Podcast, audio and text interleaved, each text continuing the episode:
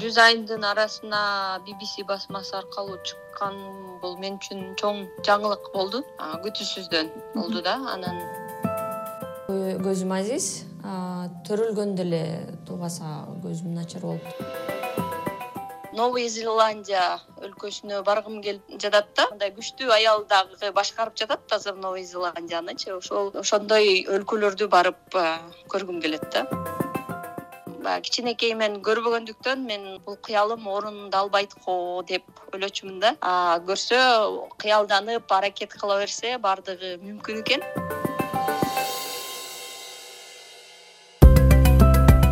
Саламатсызбы мен лиза кененбаева. Назарыңызда азаттыктын азыркы кыргызстандык подкасты биздин бүгүнкү каарманыбыз көзү азиздер федерациясынын башчысы активист гүлназ жүзбаева.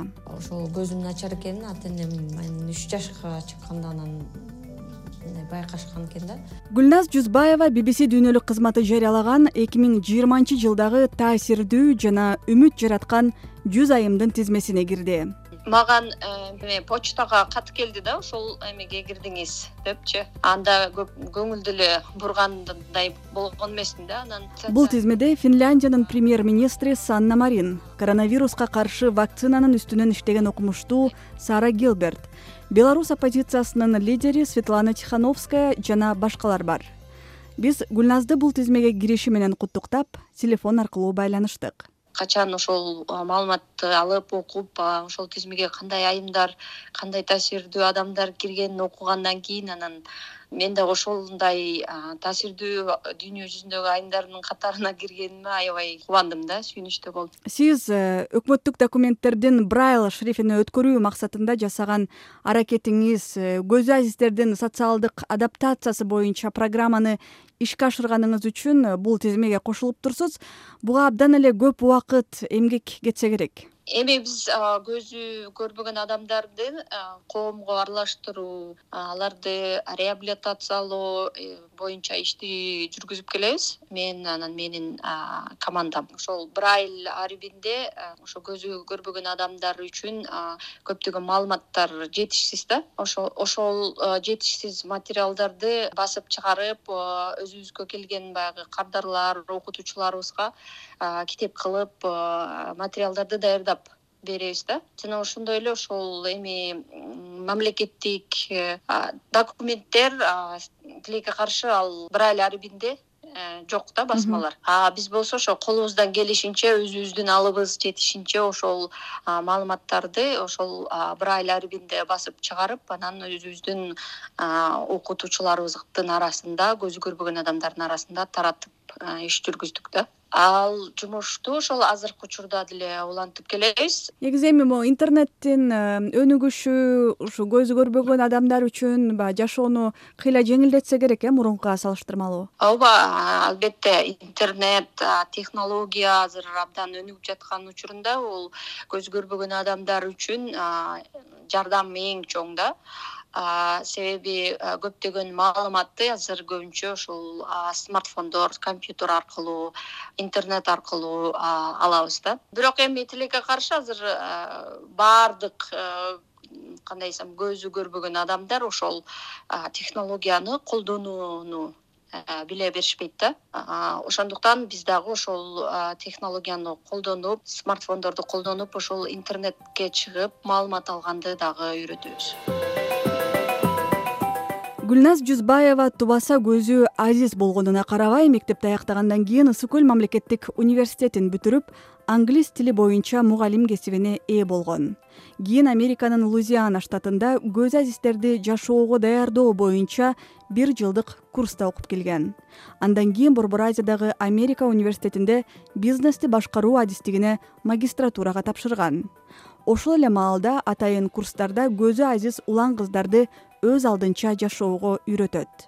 Бул жакта биздин тренингдин эмеси өтүп атат бир биринчи сабагы мындай тренингди мен өзүм америкадан өтүп келгем бул тренингдин модели ушу америкадан келген да. Алты айда өзү камсыз кылып өзү башынан биринчи күндөн баштап эле бүт баардыгын өзү кылып баштайт. Мурун ата энеси бир туугандары бирөө жардам берип жүргөн болсо азыр ошо бияка келгенде ошо баардыгын өз алдынча алган эмнени үйрөнүп маалымат издеп атасыз мындан бир жарым жыл мурда азаттык сиз тууралуу видео сюжет даярдаган эле ошол жакта сиз э, борбор азиядагы америка университетинде магистратурада билим алып жатканыңызды айткансыз. Бүтүрдүңүзбү?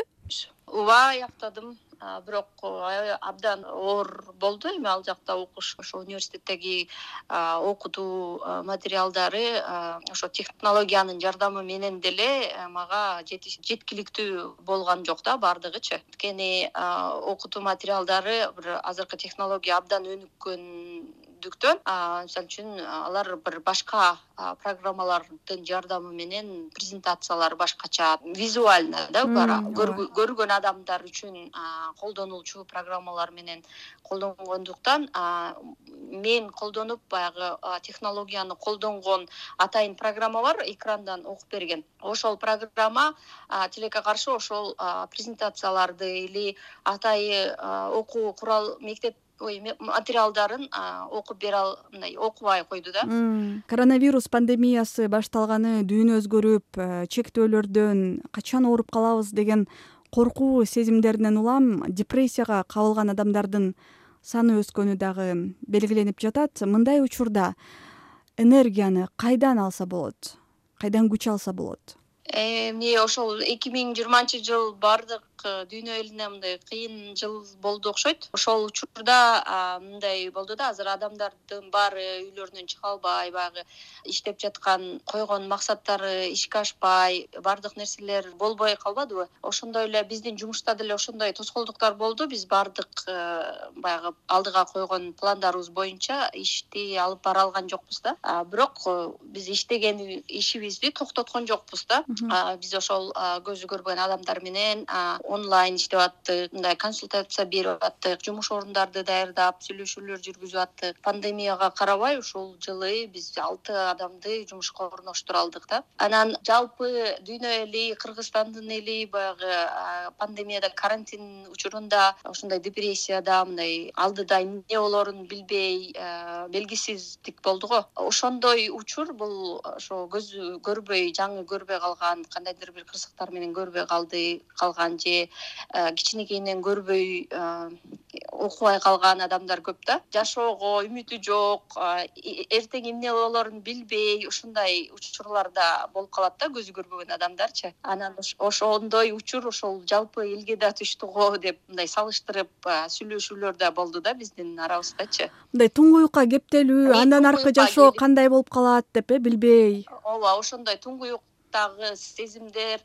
ошол баардык жалпы адамдын затында ушул жылы болду окшойт көзү көрбөгөн адамдар эгер кандайдыр бир кырсыктар менен көрбөй калган учурда ушундай туңгуюкка келип калат да. Биз эми ошол көзү көрбөгөн эле адамдарды алган болсок анткени биз ошол адамдар менен тыгыз э, байланыштабыз тыгыз иштейбиз и үлгүлүү адамдар менен тааныштырганды үлгүлүү ким кандай иш кылып атат кандай жасап атат ошол үлгүлүү адамдарды менен тааныштырып ошол адамдардын жашоосуна аралаштырып ошол туңгуюкка келип калган адамдардын бир жашоосунда бир жарык үмүт э, пайда кылганга аракет кылабыз да. Бул көзү көрбөй калса эле э, жашоо бүтпөйт. А көзү көрбөй калгандан кийин дагы жашоо бар. Бирок кичине башкачараак жашаш керек деп баягы жолдорун көрсөтүп эгерде адам көбүрөөк маалымат алып анан кандай жашоонун жолдорун билип алса кандайдыр бир үмүт жарык пайда болот го дейм да жашоосундачы ошол учурда анан алар уже өзгөрүп башташат да аракет кылып башташат. Ооба азыр дүйнөдөгү окумуштуулар дагы бул коронавирус вакцинасы чыкса дагы эч кайда жоголбой турганын болгону адамзат аны менен жашоого көнүп санитардык эрежелерди мындан ары такай сактап жүрүш керек экенин эскертип жатышпайбы? Баса сиз саякаттаганды дагы жакшы көрөт экенсиз. Саякаттоо бул мен үчүн абдан кубанычтуу нерсе да. Бир жака башка өлкөлөргө барып башка элдин жашоосу менен маданияты менен таанышып элдер менен жаңы адамдар менен пикир алышуу башка тилдерди угуп түшүнүш түшүнүп алган бул мен үчүн аябай рахат алып келет да. Жакшы абдан жагат мен деле ошо кичине кезимен абдан кыялданат элем да ушул дүйнө жүзүн кыдырсам башка өлкөлөрдү көрсөм деп кыялданчумун. Бирок баягы кичинекейимен көрбөгөндүктөн мен бул кыялым орундалбайт го деп ойлочумун да. Көрсө кыялданып аракет кыла берсе баардыгы мүмкүн экен. Дүйнө жүзүнүн он сегиз мамлекетин кыдырдым. Дагы деле көптөгөн мамлекеттерге баргым келет көргүм келет мисалы азыр кайсыл жакка баргыңыз келип атат? Көп өлкөлөргө баргым келет бирок азыркы учурда ушул новый зеландия өлкөсүнө баргым келип жатат да. Анткени вот новый зеландия баргым келген себеби ушу көптөгөн жакшы өнүгүүлөр болуп жатат ооба премьер министри дагы аял. Ооба ошондой ошондой мындай күчтүү аял дагы башкарып жатат азыр новый зеландиянычы. Ошол ошондой өлкөлөрдү барып көргүм келет да гүлназ жузбаева көзү азиздер бирөөнүн эсебинен жамбакканга көнбөш керек деп эсептейт. Ал көзү көрбөгөндөр дагы башкалардай эле өзүлөрүнө кам көргөнү үйрөнүүгө абзел деген ойдо. Ошондуктан гүлназ андай адамдарга жашоого көнүүгө жардам берет атүгүл аларга тамак жасаганды спорт менен машыкканды дагы үйрөтөт. Сиз э, триатлон менен дагы машыгат экенсиз э? Ооба триатлон менен дагы машыгып э, баштадым. Жагып атабы? сууда сүзгөн жагып атат. Чуркаганда эле жагат бирок вот велосипедди тепкен кичине коркунучтуураак болуп атат мен үчүн. Көчөдө сыртта эмес ордунда турган велосипедтерде азыр машыгып жатам да. А бирок алдыга койгон максатым эми азия чемпионатына барайын даярданайын деген үмүтүм бар. Буюрса аракет кылып көрөм да азаматсыз. Эми аялдар темасына кайрылсак учурда кыргызстанда зордук зомбулукка кабылган аялдардын саны көп болуп жатпайбы? Бул тууралуу канча айтылса деле күйөөлөрүнүн жакындарынын уур токмогуна басмырлоосуна кабылгандар абдан көп да. Анан бул жагынан алганда көз азиз кыз келиндерге абдан эле кыйын болсо керек. Биздин маданиятта менталитетибизде ушундай го болуп калыптанып калган болуш керек айрыкча айыл жергесинде аял киши үйдө эле отуруш керек үй жумушун кылыш керек депчи.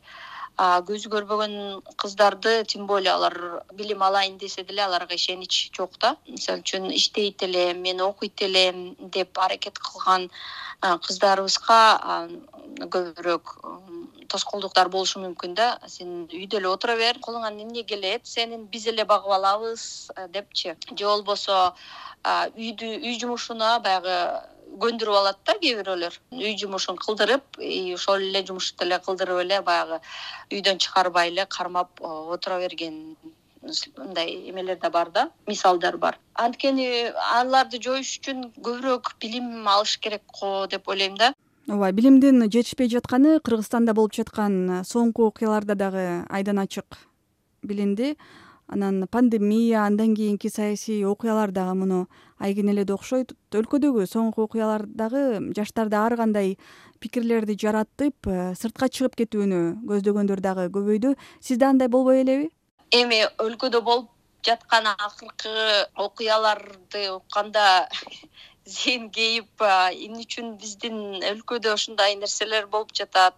Биз качан оңолобуз деген суроолор менде эле эмес ар бир адамда болуп атат окшойт деп ойлойм да азырчы баардыгыбыз эле ушул жакшы тынч өнүккөн өлкөдө жашагыбыз келет да. Бизде мындай болуп калат да жумуш бир нерсе кылайын десең ишибиз жылбайт да ордунан.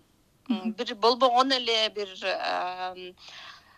тоскоолдуктарды кылып адамдар бир адамды бир адам үчүн эле күйбөйт же өзүнүн жумушун кылбай коет ошондой учурларда. Эмне үчүн бизде иш кылыш абдан оор татаал андан көрө башка жакта башымды оорутпай жашай берсем жакшы болот эле деген ой келип кетет. Бирок э, кайра ойлоносуң эгер мен кылбасам азыр мен өзгөртүп ушул жерде калбасам анда ким кылат? Баарыбыз кете берсек анда биздин кыргызстаныбыз жок болуп кетет го деген ойлор. Бирок мен кетким келбейт кыргызстандан. Кыргызстандын э, өзүмдүн э, чоңоюп өскөн жеримен кетким келбейт. Канча жерди кыдырып канча жерди көрсөм да алаяк жакта да жакшы. Жакшы кызыктуу нерселер жакшы нерселер бар бирок баары бир деле өзүмдүн кыргызстаныма кайрылып келгим келе берет да. Үмүт деген чоң да бизде. Ошол жакшы өнүккөн жакшы өлкөгө айланабызго деген үмүттөр чоң. Рахмат сизге гүлназ ишиңизге ийгилик. Азыркы кыргызстандык подкастынын бүгүнкү каарманы көз азиздер федерациясынын башчысы bbc дүйнөлүк кызматы жарыялаган эки миң жыйырманчы жылдагы таасирдүү жана үмүт жараткан жүз айымдын тизмесине кирген активист гүлназ жүзбаева болду. Берүүнү мен элиза кененбаева даярдадым. Саламатта болуңуз